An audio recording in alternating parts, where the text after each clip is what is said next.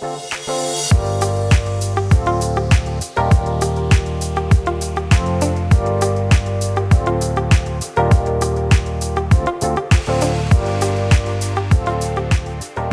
till Högräntepodden. Dags för ett nytt avsnitt. Det är jag som är Stefan Westfeldt. Gustav Andåker. Lars Möller. Ja, dagens ämne. Har centralbankerna gått för långt? Jajamän. Är det någon som har funderat på det där ute? Är det någon som tycker det stämmer? Ja, det finns mycket åsikter i alla fall. Va? Ja, det gör det ju va.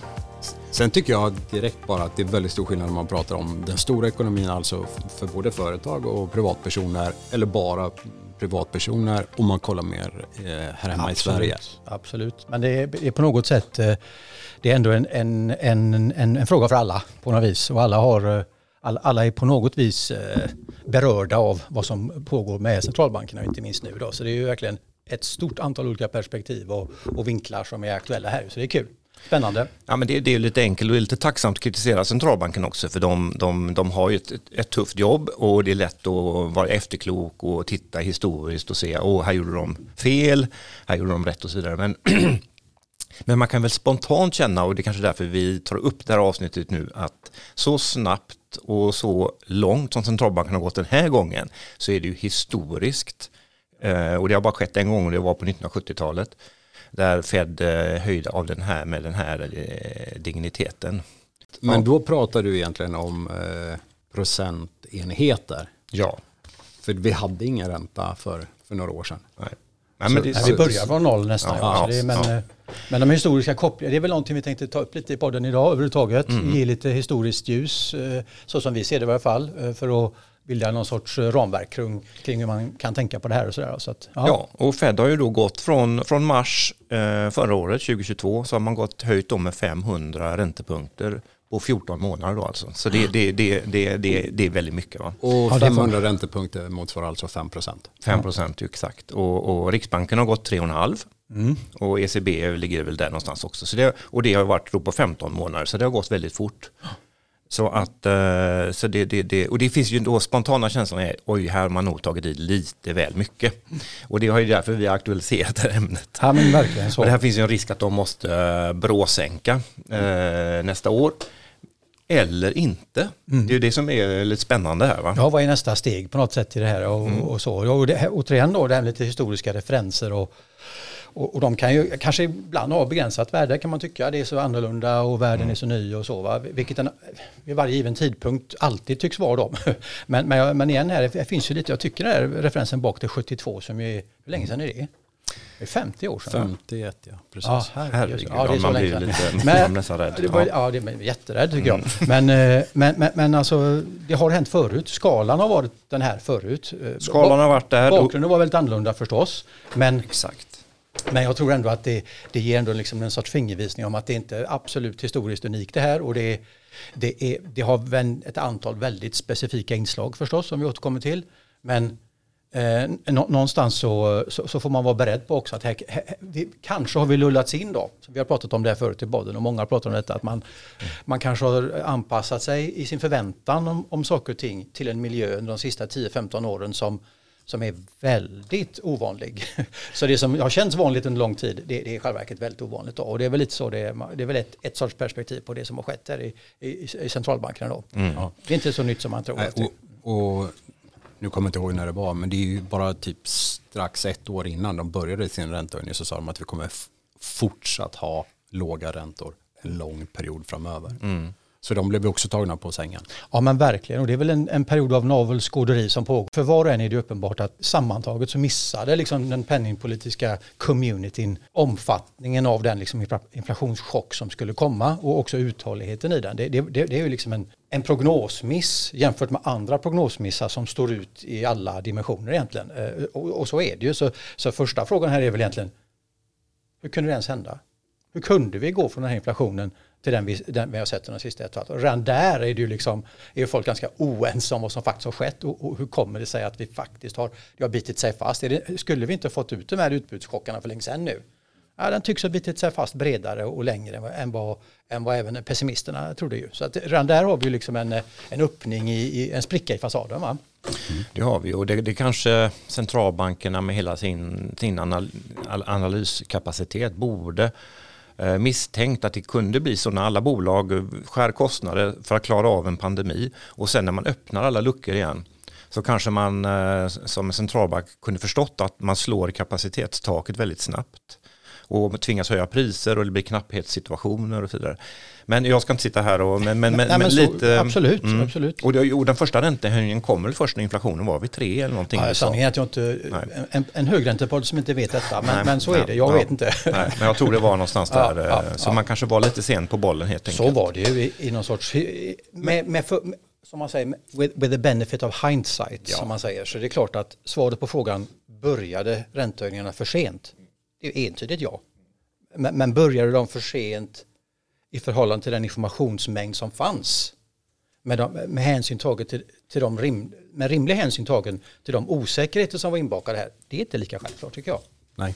Nej, men det håller jag med om. Men jag tänkte bara att vi kunde gå tillbaka till 1972 där och då var det ju faktiskt kapitalmarknaden inte speciellt avreglerad. Så det är väldigt, som du var inne på Lars, där, det, det, man ska inte titta så mycket på man kan inte dra för mycket slutsatser, men det är ändå lite intressant att se. Man, Fed gick ju då från 5,5 till 11 procent. Eh, och inflationen var hög och stigande. Men eh, det var faktiskt inte så att man eh, dödade ekonomin med det ut- och, och, och tvingades direkt sänka. Utan man, man, eh, man låg faktiskt kvar på de eh, över, ja, runt 10 procenten i ett par år.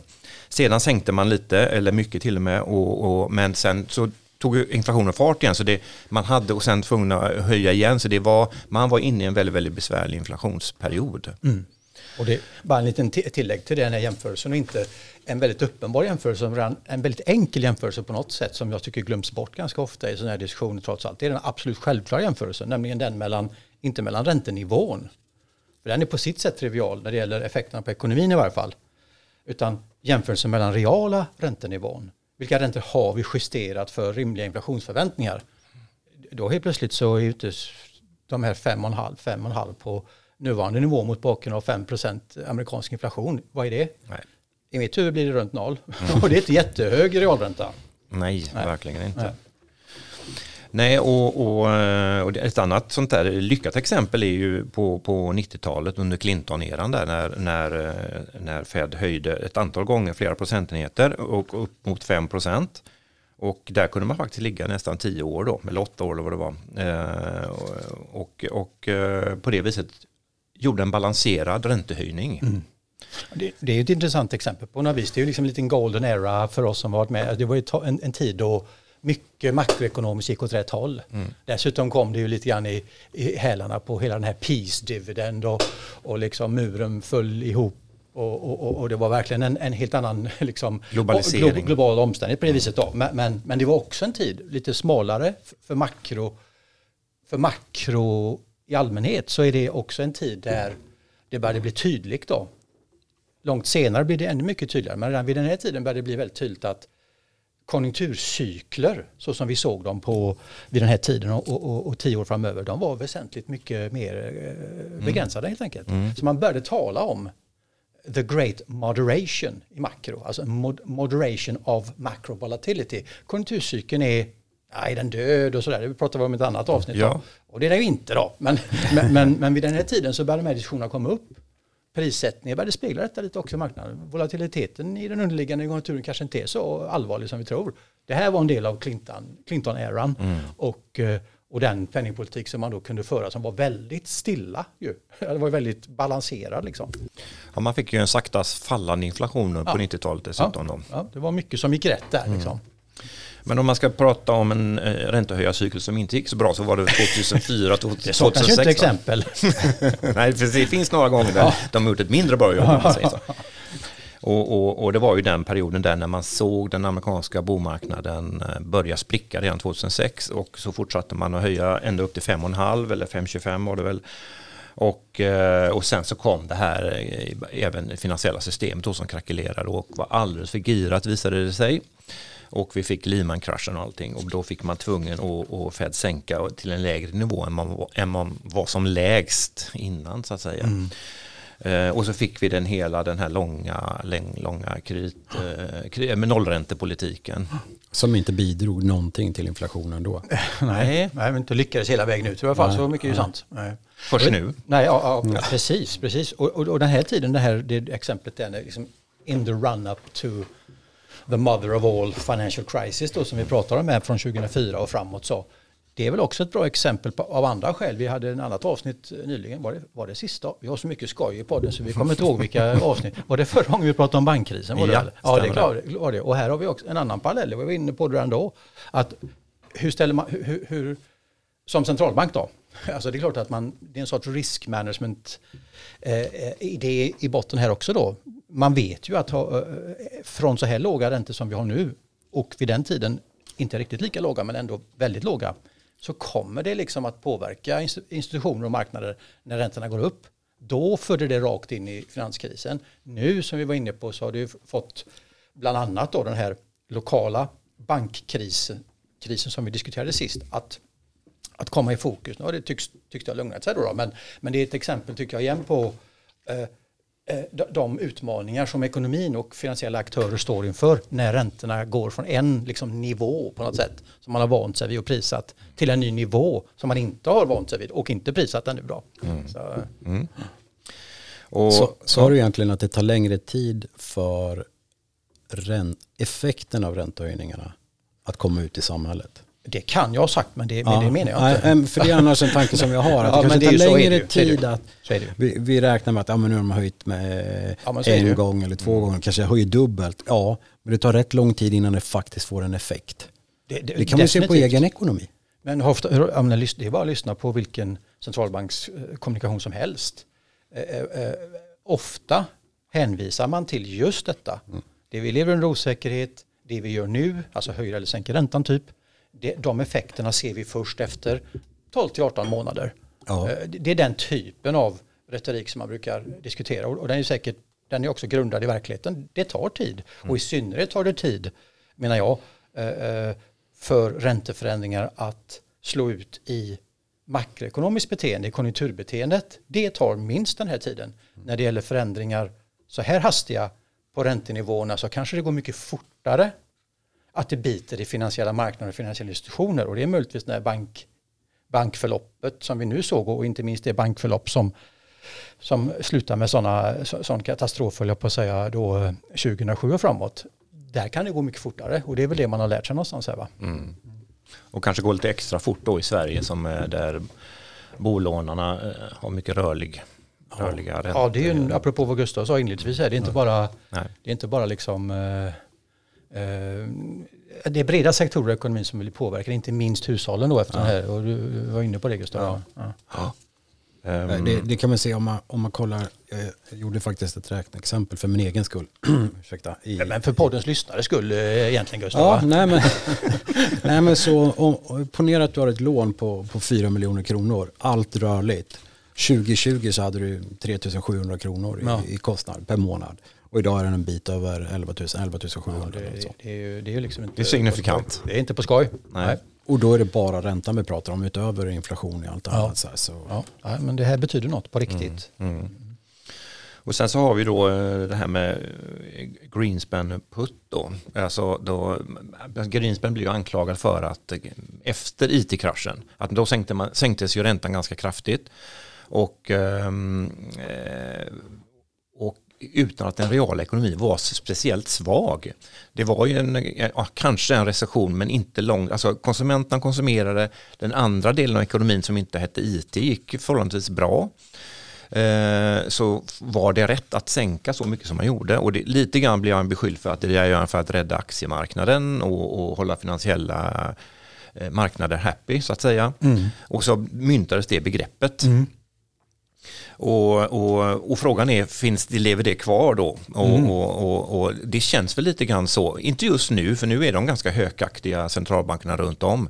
Men om vi får en lite svagare, ytterligare lite svagare ekonomi här, så kanske det här snacket kommer tillbaka. Va? Ja, det är intressant. Mm. Nej, men jag, det, det, var ju verkligen sådär att eh, att, att, att, den, att värdet av den här putten var ju väldigt högt uppskrivet under lång tid på något sätt. Marknaden tog ju verkligen, eh, de tog den som en platta lite ju på många sätt. Va? Mm. Och, och, och, det är klart att det måste ha påverkat, eller vi vet ju att det har påverkat mycket av prissättningen, i varje fall på marginalen på aktier, på aktier ganska brett då under, under lång tid. Jag vet inte hur, hur, hur, man hur folk allmänhet där ute i aktiemarknaden tänker på det nu för tiden. Men, men det är klart att det som har hänt nu när det gäller en, en Fed under ledning av Powell.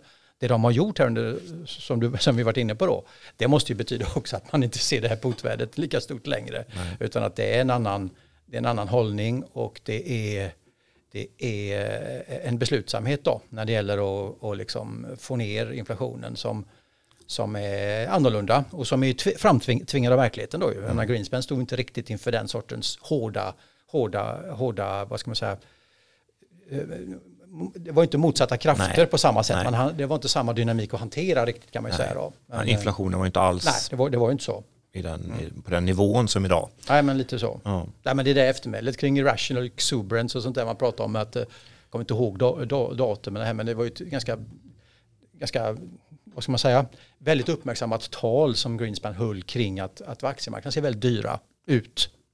Och det här är många år sedan ska ni veta om ni tycker att det är dyrt nu. Eh, eh, och, och, och, och, den, och, det, som, och det följde på att han det följde på att i, eh, istället då valde att liksom ha en väldigt ackommoderande hållning till aktiemarknaden därifrån och framåt. Då. Så det var en, liksom en, en, en väldigt debatterad hållning då på den tiden kring, kring hur man ska se på Feds liksom, eh, inriktning här och hur mycket man är beredd att så att säga rädda, inom situationstecken rädda risktagarna i eh, då alla aktiemarknaderna. Mm, mm. Nej, det, det, det, är superintressant och då, och då också hur, hur, vi vet ju inte riktigt hur Powell fungerar i det här sammanhanget. Om han också kommer slänga in det här kortet att, mm. att, att rädda marknaden om det skulle börja gå ner för mycket mm, så att nej, säga. Nej. Nu har ju inte han hamnat i den situationen för aktiemarknaden har gått förvånansvärt bra under, under detta året. Så är det väl. Så att det, det, man behö, den behöver inte räddas. Nej, men, ja, precis. I alla fall inte än så länge, höll på att säga. Men, men, men för en som, återigen, då, man tuggar ju sin egen, så man, man andrar sitt eget ut syre hela tiden. Ja. men, men, den uppgång som vi har sett nu då, den, är ju, den påminner lite, okej, okay. så trots detta så har det ändå gått rätt bra i marknaden, aktiemarknaden. Mm. Det är ju, det är ju för väl liksom. Eh, en sorts eh, skugga över det tycker jag fortfarande är det här eh, omständigheten som är ändå speciella. Om vi nu talar om historiska jämförelser. Den här omständigheten att uppstället, i varje fall i USA då, är väldigt koncentrerat fortfarande till mycket få antal uh, bolag helt enkelt. Mm. Och det var en diskussionspunkt tidigare under FANG och så vidare. Försvann ju ut sen förstås när räntorna började gå upp och, och marknaden tankar lite här va. Men det är fortfarande så att mycket av årets, årets uppgång i S&P är drivet av väldigt få bolag. Mm. Och, och, det är ju, eh, ja vad är det? är det bra eller dåligt? Det vet inte jag, men det är ju det är ett tecken i det att, att den här breda, breda riskvilligheten kanske inte riktigt eh, finns där då. Utan att det är liksom fortsatt så att eh, vad jag skulle kalla en form av överdriven tillväxtoptimism på de här bolagen eh, prissätts eh, lite överdrivet. Då. Ja men det är, det, det är intressant för då är det egentligen en, en stor sektorrotation på gång för att eh, titta på det var väl Nikkei som gjorde mm. all time high va? Ja det var kanske. Mm. Och DAX också är väl väldigt nära i varje fall. Så det, ja, okay. alltså, klassiska industribolag börjar gå bra på börsen på ett annat sätt och de ja. har kanske släpat efter väldigt länge under den här IT eh, eller tech-yran som har varit mm. på 2010-talet. Så att um, så, det, så det, det, är intressant det här med att konjunkturen kanske inte är lika volatil längre så att säga. Men, men att det blir stora sektorförändringar utifrån hur placerarna beter sig. Det, det, här, är det, har detta, kan detta ha att göra med alltså det här observationen att till exempel Japan och Tyskland och sätter nya all time high och sånt. Kan det ha att göra med nedgången i olja också? Det kan det absolut. Apropå ja. mm. oljeberoenden och sånt, jag mm. vet inte. Men, säkert, mm. säkert alltså. Så att, um... Men den här, jag vet inte, bland, bland, historiska referenser och så, jag bara kastar upp det här. Jag vet, uh, Stefan, du brukar prata där om uh, 2015-18 cykeln där. Hur ser du på den där, eller Gustav? Vad, vad, tänker ni kring den som en historisk referenspunkt där, där vi Ja, men då mer balanserad höjning jag, tyckte, jag tyckte det var så fantastiskt bra då när, när Fed började höja då. För då kände vi att då hade vi lekt med nollräntor och det var rätt att köra nollräntor i flera år. För att eh, hade vi inte gjort det så hade det varit förmodligen eh, the great financial, the great depression igen typ.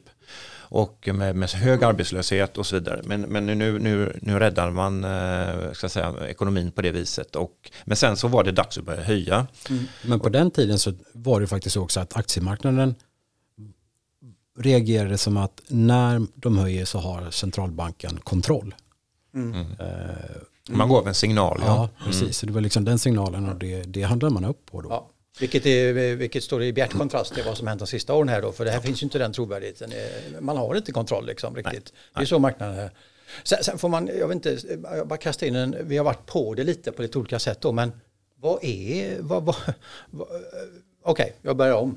Um, det är ju inte svårt att hitta pandits och strateger och andra som skäller på centralbankerna. Det, det är ju inte, behöver man inte lägga mycket tid för att hitta. Va?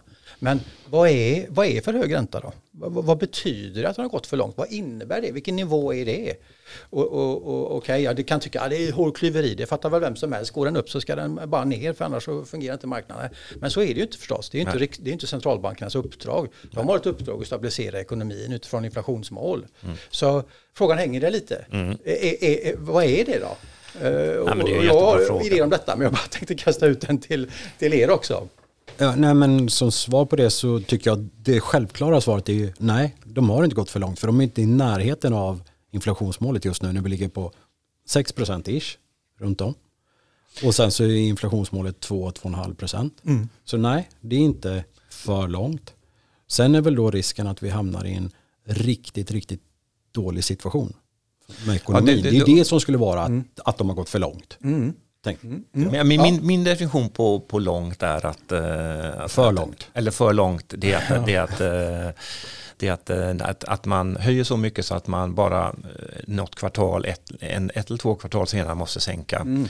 Och kanske sänka ner dit där man var när man började typ. Mm. Då kanske man har missbedömt eh, och, och, och, att, och att mm. ekonomin var faktiskt mycket skörare än man trodde. Ja, just det. Någonstans då. Men, men, eh, men det, det, det, är ju, det är ju liksom med facit i hand. Mm.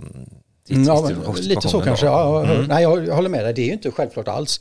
Menar, det är bara det att det låter ju ibland lite bland mm. oss alla i marknaden mm. så, lite att så fort aktiemarknaden går dåligt så är, det, så är räntan för hög. Mm. Och, jag menar, ja. tar man lite ett steg tillbaka här då, så, så ja, ett, en sån grej måste ju vara i förhållande till vad? Ja, i förhållande till hur mycket stramar penningpolitiken åt?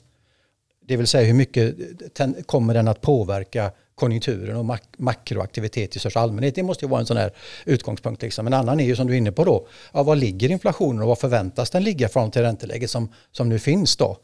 Och, och det är ju liksom, det är så centralbankerna agerar i någon sorts stiliserad mening. De ger sina prognoser, vad de tror om världen och, och, så anpassar de sin ränta efter det och så kommer det chocker och ny data och, och saker och ting förändras och så. Va? Jag menar, det där måste ju vara någon sorts utgångspunkt. Och, och med det sagt då så, så um, så, tycker inte jag, så, så är räntorna höga. De kanske är någorlunda välkalibrerade här rent av. Uh, uh, uh, den, den, den, extra osäkerheten handlar ju återigen om att den faktiska inflationen är så enormt långt över det som är målsättningen. Och på det sättet har vi liksom inte riktigt någon av oss gått igenom den här, den här typen av penningpolitisk osäkerhet. Då. Så, så, så, så, men, men, och dessutom, som om inte detta räckte, det finns ju också ett uppdrag bland centralbanker på lite olika sätt kanske, men som ändå är gemensamt, nämligen det här med finansiell stabilitet. Då. Mm. Så här finns ju ett, och, och det handlar ju om finansmarknadsinstitutioner i största allmänhet, hur de fungerar och hur de är positionerade och så. Och, och, och, och, den sortens krafter, alltså hänsyn till finansiell stabilitet i vid mening, den kommer ju, kom ju sannolikt i det här läget att, att tala för mindre höjning eller ingen höjning eller åtminstone en, en större försiktighet än vad inflationsrisken gör. Så här blir lite balanserande krafter åt olika håll då som, som de, är, som får liksom sätta att hantera då. då. Så, så, eh, men jag vill, jag vill slå ett slag för eh, som den, som den Eh, akademiker man en gång var då, den så kallade Taylor-regeln som ju är dammig, eh, eh, den är liksom tråkig. Är den. Och den är, den är, den, men den, är ganska, den är, har ett värde i det att den sätter en, en, en, liksom en stolpe i marken. Va? Alltså Taylor-regeln är eh, ekonomen John Taylor som, som, som skrev ett väldigt uppmärksammat paper för många år sedan som ju, som ju sen sedermera spreds i alla centralbanker, alla policyinstitutioner, som handlar om att svara på frågan vad är en normal ränta? En ränta som inte stimulerar ekonomin och heller inte en som, som drar åt den för mycket. Då. Eh, och, ehm, Någon sorts vill, jämvikt? en sorts jämviktsränta mm. som kopplar räntebeteendet till avvikelserna från trendtillväxt, alltså är den konjunkturcykeln upp eller ner och, kop och kopplat till avvikelsen från inflationsmålet. Så med avvikelser uppåt på inflation skulle tala för högre räntor. Eh, en konjunktur på som är starkare än normalt skulle tala för högre räntor och motsatsen. Och, och detta då i olika proportioner, hur mycket man tillmäter vikten för konjunktur kontra vikten för inflation. Då. Och, och, med den här sortens mått då så, så är jag inte uppdaterad så. Nu, nu i dagsläget då, men under många års tid då så var ju, de, så var ju Taylor-räntan mycket högre än den, som, den ränta som faktiskt eh, satt i marknaden. Nu, nu är vi mycket närmare någon sån jämvikt mm. eller någon sån motiverad ränta då. Sen har den en massa begränsningar på alla möjliga skäl. Men som en benchmark, som en, liksom en pål i marken för, att, mm. för, frågan om vad är för högt och vad är för lågt och så, så är det ganska intressant. Det är dessutom 30-årsjubileum i år så, så det finns, så det finns folk, folk får fira där ute. Om man, har legat, om man har legat för högt här under de här åren så skulle man kunna tänka sig att det har att göra med att inflationen faktiskt har sjunkit nästan konstant sedan dess. Så, alltså Vad tänkte du legat för högt? Trenden, du sa att enligt eh, Taylor-modellen ja. så har han legat lite för högt i den räntan. Men vi har också haft en inflation som successivt liksom har trappats ja, ner. Ja. Så att liksom... Taylor-räntan var är högre än den som har varit va? Ja, mm. jo men jag menar om han nu prissätter det på det sättet. Mm. Sen, jag, jag sen kan med, inte modellen. Nej, men de här, liksom, I tillägg då, okej, okay, så den här förenklade världen som jag beskrev, den, den, mm. kanske, den har sina begränsningar då, men, mm. men dessutom då så, så fanns ju hela det här med okonventionella eh, eh, eh penningpolitiska inriktningar med köp av värdepapper i marknaden och sånt. Det finns ju inte den här modellen har inget att säga om det. Liksom. så, så, så, då vi, så, är det, så, så, är det. Va? Men, men jag tycker ändå då att det är liksom en, intressant att damma av den sortens grejer nu i det här läget. Ja, Därför att det ger lite av en, tror jag, en, en fingervisning om, om vad som är högt och lågt och vad som är rimligt att förvänta sig. Det, det kommer ju också vara ett beslut, som du var inne på Stefan, när, när, när den här cykeln toppar. Kommer man att pausa under lång tid? Kommer pausen ligga där som, som vi historiskt sett har gjort, sett vid många tillfällen. Mm. Är man nöjd där under en längre tid, är man det så kommer det kanske betyda en mer uthållig åtstramning då. Mm. Eller kommer man vara mer redo att, att, att börja sänka snart då? Ja men det intressanta var ju, ja. ja. precis, och jag menar är vi tillbaka till 90-talet så, så är, det någon, är det här en räntenivå som vi kan leva med i typ 10 år. Um, om den eran upprepar sig med, med god ekonomisk tillväxt och, och, ändå en optimism om framtiden och så. Och, och, vem vet, det, det kanske kommer. Och då behövs det egentligen inga sänkningar från de här nivåerna. Um, men sen finns det ju någonting, uh, nu, nu, nu är jag ute på djupt vatten. Ja, men ja, ja, det, det är det vi trivs bäst. Det får man vara. Ja, ja, vi, vi är simkunniga allihopa här, det är inga problem. Men det finns något som heter neoklassikerna och oh. Milton Friedman också som menar att vi behöver egentligen inga centralbanker för det, marknaden ska egentligen sätta den där eh, styrräntan istället för, för någon centralbank. Va? Vad har ni för synpunkter på det? Det är nog många som håller med dig då, eh, Stefan.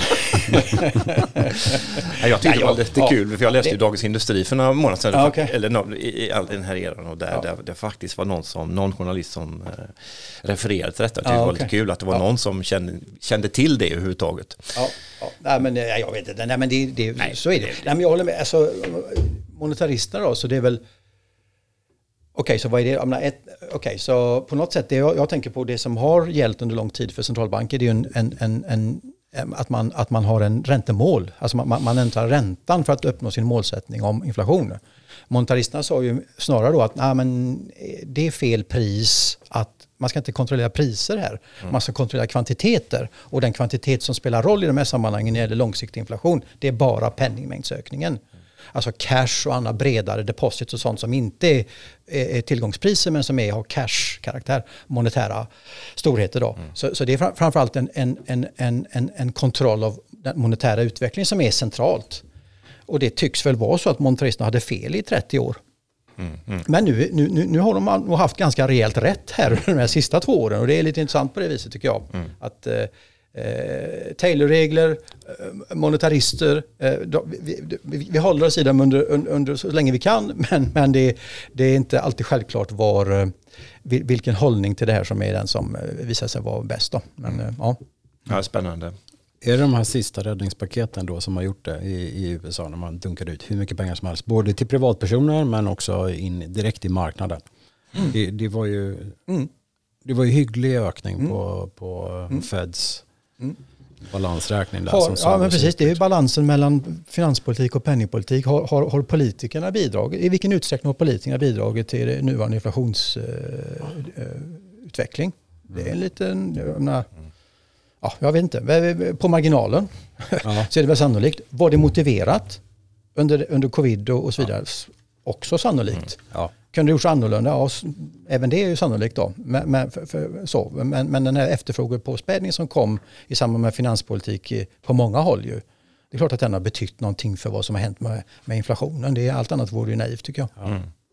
Nej, men du, du frågade tidigare, jag hann nog inte riktigt slutföra, men den här höja räntehöjarcykeln 2015 till 18 Ja. där. Ja, ja. Och där, där, där eh, Fed gick till 2,5 och sen så, sen så blev det några sänkningar i början på 2019, kon- konjunkturen blev lite svagare. Och där kändes det som att de skulle stoppa och, och kanske börja höja sen när konjunkturen tog lite fart. Men så kom ju covid och som mars 2020 så förändrades allting och alla centralbanker gick ner till noll igen. Vad som var lite ögonfallande under den perioden var väl att Riksbanken och ECB inte gjorde någonting. Nej, Man höjde ju nej. inte en endaste Nej. gång. Nej. Eh, vilket man kanske med facit hand skulle ändå ha börjat göra. Hade inte covid kommit så kanske Fed hade haft större eh, eh, fått mer kontroll över den här och inte att den här inflationen drog iväg på det viset som den har gjort. Då. Men det är bara jag som spekulerar. Men, Ja, men men, det- men, men, men det, det, det blev en väldigt svår, eh, vart en extremt svår period. Det blir lite av ett experiment tycker jag. Vi står inför en pandemi.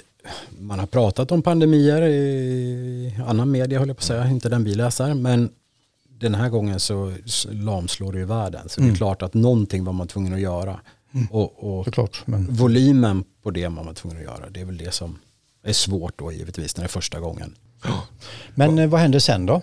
Ja, men, så, så, ja. ja. du var inne på det, Stefan. Men eh, alltså, jag bara tänker, vi, säg att vi närmar oss, men hur- okej, vi är mycket närmare toppen nu än vi har varit tidigare. Så mycket vet vi ju. Så säg att vi börjar närma oss den nu då och marknaden prissätter ju långt bortom det då, i varje fall delar av den. Ehm, det kanske blir en bra lång paus liksom, på den här nivån menar jag då. Historiskt sett så har ju det betytt lite olika saker beroende på om man pausar på, efter att ha varit på väg upp eller om man pausar efter att ha varit på väg ner då. Men, men, eh, men en, en, en, paus, eh, en paus på den här nivån behöver väl inte vara så himla dåligt för marknaden eller? Nej, Nej, jag vet inte. yield on. Vi har sagt det. You heard it first at this, in this pod. Nej men det kan faktiskt vara så att vi kommer in i en en golden era för, eh, för eh, företagsobligationer Ja, och obligationer generellt. ja. Det blir en annan... eh, För det vi är inne på, miljö. vi är uppe på nivåer nu som är historiskt i varje fall relativt eh, intressanta. Mm. Globalt men är i Norden kanske extra intressanta för här har vi fått en ytterligare riskpremie på grund av våra fastighetsproblem och annat då. Så att, eh, ja. Med tanke på fastighetsproblem, min personliga åsikt är att det bör vara en ränta. Det var i alla fall vad jag lärde mig i skolan, att man Ja. fick eh, lite ersättning för att man lånade ut sina pengar. Om det finns en ränta så att de här fastighetspriserna inte skenar, då kan du faktiskt vara ambitiös och duktig och spara ihop till en del av din bostad. Det är ju sunt. Det skulle eh, skapa lite stabilitet också. Eh, för, för kämpar du tio år och sparar för ditt första boende så ska det liksom, ja du har varit duktig, det ska göra skillnad. Det gjorde ingen skillnad. Huspriserna sprang ifrån dig, du kunde inte spara till ett boende. Så där någonstans tycker jag, och där har jag ytterligare en personlig spaning, det är ju faktiskt att eh, vi kommer tvingas i Sverige, för vi har ju inte det idag, det är att vi kommer tvingas ha lite duration i, i, i bolån. Mm, ja. Att, att FI eller eh, någon annan kommer eh, säga att ja, men har, du, har du så här mycket i lån procentuellt sett av, av bostadsvärdet så, så kommer du eh, behöva binda två och ett halvt år i snitt. Liksom att det flyttas så att du har löpande två och en halv. Det skulle skapa lite mer stabilitet mot eh, ränteförändringar. Verkligen. Mm. Ja, det är en god, eh, det är kanske också något som bankerna skulle råda eller Ja. tvinga sina låntagare att eh, implementera. Banken, ursäkta språket, men skiter ju högaktningsfullt i en sån sak. De vill ju bara tjäna pengar så de bryr sig inte om, om ja, till viss del, de vill inte ha personliga konkurser på sin egen bok. Men, men i övrigt så vill de ju bara tjäna pengar. Men jag tänker att det blir mer från statligt håll, att vi kommer få Det här går helt i en av eh, poddens motton tror jag va? Without fear or favor. Det är helt rätt eh, Gustav va? Men vad, vad är konklusionen? Eh, har centralbankerna gått för långt?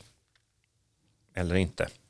Nej, jag, jag, jag tycker inte det. Jag Nej. tycker inte de har gått för långt. Kostar det mycket så långt de har gått? Ja, det gör det. Eh, är, är den kostnaden så stor att den inte motiverar de här nivåerna? Nej, potentiellt sett då. Nej, jag tror inte det. Jag tror att kostnaden för att gå för kort är väsentligt högre än kostnaden att gå för långt. Här. Och att gå för kort menar jag då helt enkelt att, att inflationsmiljön ytterligare befäst sig och, och den blir ännu högre och ännu mer variabel. Det kommer däremot kosta väldigt mycket, inte bara på kort sikt utan även på lång sikt när prissignaler blir skeva, när bara den inkomstfördelning som sker mellan låntagare och långivare i höga inflationsmiljöer och så vidare och så vidare. Vi har ju sett det här förr va. Eh, Så att det tror jag, nej jag tycker inte de har gått för långt. Och det faktumet om, om Fed nu sänker ett antal uh, punkter här nästa år flera gånger, det betyder ju inte att de har gått för långt nu egentligen. Nej, det kanske, det nej, kanske det bara betyder att de har lyckats få ner inflationen. Ja, precis. Så nej, jag håller med båda där. Jag tror inte det. det. det. skulle vara om det gick fullständigt åt skogen. Men det vet mm. vi inte heller idag. Nej, nej, det, det är framtiden som visar. Men jag tror inte det då kommer de ha möjligheten att sänka och, och hjälpa till igen. Det är räntevärden. Det, flesta, det, det finns alltid gott om utrymme för att det ska gå fel. Det gillar man ju i räntevärden. Men, men även det här med kostnader på kort och lång sikt, sånt det är också en annan sak som ju är en del av debatten. Nämligen, är det, alltså risk, är det, är det en fördel då? Allt annat lika, är det liksom en fördel att lägga det väldigt frontloaded, att göra mycket höjningar nu snarare än hålla på och, och på det viset behöva hålla på kortare tid än att lägga ut höjningarna över en längre tid och kanske tvingas göra ännu mer. Mm. Ja. Och det är också en trade-off då ja. som, jag har ingen riktig åsikt om hur den trade-offen ser ut men jag, jag bara noterar att det, det, är en del av eh, avvägningen som bankerna gör, eller centralbankerna gör. Mm. Nu tappar jag ordet för, du hade något uttryck för det här förra podden tror jag, de här bolagen som, som hade överlevt sig själva höll jag på att säga i den här låga räntemiljön. Ja, so zombiebolagen. Zombiebolagen, ja, precis. Alla bolag är ju inte Eh, livsberättigade höll jag på att säga. Alltså, nej, men de är ju, det är en del dåliga bolag och de ska gå i konkurs. Mm. Eh, och vi har haft extremt låga konkurser tidigare. Nu har vi sett att konkurserna i Sverige går upp. Men, men i övrigt så vi har inte sett några enorma konkurstal hittills. Liksom. Så att det Nej. är väl hälsosamt. Liksom, mm. Man ska inte kunna ta hur mycket risk som helst och tjäna pengar bara för Nej. dålig idé Nej, men, liksom, och låga mm. räntor. Mm. Jag tycker att det är mm. hälsosamt. Mm. Mm. Nej, men det, ja, precis. Men ska Kom, vi... Kommer vi ner, för, avslutningsvis ja. på detta temat, på blicka framåt där. Um, kommer vi komma ner? Och i så fall under vilken rimlig horisont kommer vi komma ner på vad ska vi säga, realräntenivå eller justerade för inflation då, för det har varit ett tema här. Kommer vi komma ner eh, till så det var innan det här eller kommer vi landa i liksom en annan miljö? Ska, vad, vad, vad, det är en stor fråga såklart, men jag kastar in den i slutet här. Men, men ja. För det hänger ihop också med hur man tror om, det hänger ihop med massa saker, men en sak det hänger ihop med är ju liksom värderingar av andra tillgångar också. Mm. Till exempel equities, eh, hur man ser på den va? Ja, det jag, kanske är en annan podd, eh, nej, kanske ett annat avsnitt det, jag, jag, tror att rent, eller inflationen kommer ner mot 2,5, 3, 2,5 men, men inte kommer ner så mycket mer. Det, det, är tillräckligt problem och att den kanske då, det är risk att den drar iväg under, under nästkommande år, den tror jag vi får lära oss att leva med. Och det kanske blir en stramare period på det viset. Och det tror jag nog i mitt huvudscenario. Mm. Mm. Att vi inte kommer tillbaka till den här eh, deflationsrisken och sånt som vi har haft. Mm. Och, och, det är mycket på grund av eh, det här att vi, vi skapar mer arbetstillfällen hemma igen vad gäller industri och så. Det är inte Kina, inte, inte lika intressant att lägga ut produktion till och så vidare. Och så, mm. vidare. så att um, Mm. Ja, det är min vy. Ja, och de lite ja, längre räntorna kommer vara kvar på, ja. på dagens nivåer eller lite högre. För du var inne på penning, penningmängd. Här ska mm. det köpas tillbaka. Mm. Mm. Ja, intressant. Det är, som sagt var, vi, vi tittar nästan ut mot en, en ny podd, poddavsnitt. Ja. Här, va? Vad, vad händer härnäst? Här, va? Ja. Och vad betyder det för värderingar av andra tillgångslag? Liksom? Ja. Vad, vad, vad ja. bevakar vi nu då? Är det något speciellt i marknaden som ni... Vi har precis blivit av med oron runt skuldtaket. Just det, just det. Vilket var otroligt. Det var en välsignelse. Eh, verkligen. Men det är, väl, det är väl bara politiskt spel, ursäkta mig. Men mm. är det, det är klart det är. Jo, mm. men, men det hade kunnat bli riktigt, eh, mm. Republikanerna, ja. det känns som det kanske är en viss, den här värsta Trump-era-stilen från Republikanerna verkar ha lagt sig något i varje fall. Ja. Eh, så, det är en förhoppning i alla fall, men ja, vi får se. Vi får se, ja. Nej men det är väl lite ja. intressant, det är något du tänker på? Lars? Nej men inte sådär, jag, eh, inte, jag, det slår mig igen att vi, som sagt vi har vårt förra avsnitt här kring banksektorn och sådär, vi var väl lite mm, optimistiska kring att det inte skulle sprida sig allt för allvarligt då. Mm. Och det är väl så det har sett ut lite grovt, jag vet mm. inte, det ligger väl kvar där ute och, och skvalpar men kanske inte det som står i fokus nu då, det är mycket annat. Det har inte förstås. Något, inte något nytt, nytt ny dramatisk negativ Nej. information, Nej. istället har ju faktiskt bankaktierna handlats upp lite ja, grann. Ja. Kreditspreaden är kvar lite högre än innan. Ja. Men, men... Ja, ja. Mm. Nej, och sen, sen, bevakar vi ju givetvis det här med centralbankerna. Det, det kanske är en 25 kvar från mm. eventuellt Fed och eventuellt ECB då. Riksbanken kanske följer ECB, men mm. där känns det som att vi i alla fall hamnar, där kanske det stabiliserar sig nu då. Så, så det är väl lite grann det vi bevakar också. Mm. Mm. Så att, um, Ja, men det, så är det. Det är mycket som pågår på en gång och sådär. mm, Sen är det fortsatt eh, bakgrunden med geopolitisk oro plus dessutom ett verkligt krig då som pågår. Och så där. så att det, det där är ju liksom en del av, eh, av, eh, av vad som pågår mycket. Mm. mm, mm. Ja, men det är intressant att se också hur eh, tillväxtaktier i förhållande till vä- värdeaktier har då dratt iväg här de Mm. senaste två veckorna. Så Mm. det, någonting har hänt i marknaden Mm. också. Mm. Lite mer eh, aptit och Lite så. mer aptit. Och nu kanske man såg då att skuldtaksdiskussionerna gick lite åt rätt håll och så vidare. Men det är också någonting mer. Alltså att man ser att räntorna börjar plana ut Mm. och kanske kan komma ner något. Eh, framgent, eh, det skapar då eh, positionering in i tillväxt igen. Och det, det är ju en, i, i, grunden en, en positiv signal. Det är det. Mm. Vi får se om det är uthålligt då. Mm, Och precis. då knyter jag an igen till dagens fråga. Mm. Har centralbankerna gått för långt? Nej. Nej men det kan ju faktiskt, Ja. det var bra. Ja, det det är var väl bra. en, eh, Det är väl en eh, pendang eh, Ja. så god som någon här Ja. för, för idag Gustav. Eller? Ska vi säga så då? Ja det får vi göra då. Ja. Tack för idag. Tack ska ni ha. Tack ska ni Ha. Ciao. Tack. Hej. Hej.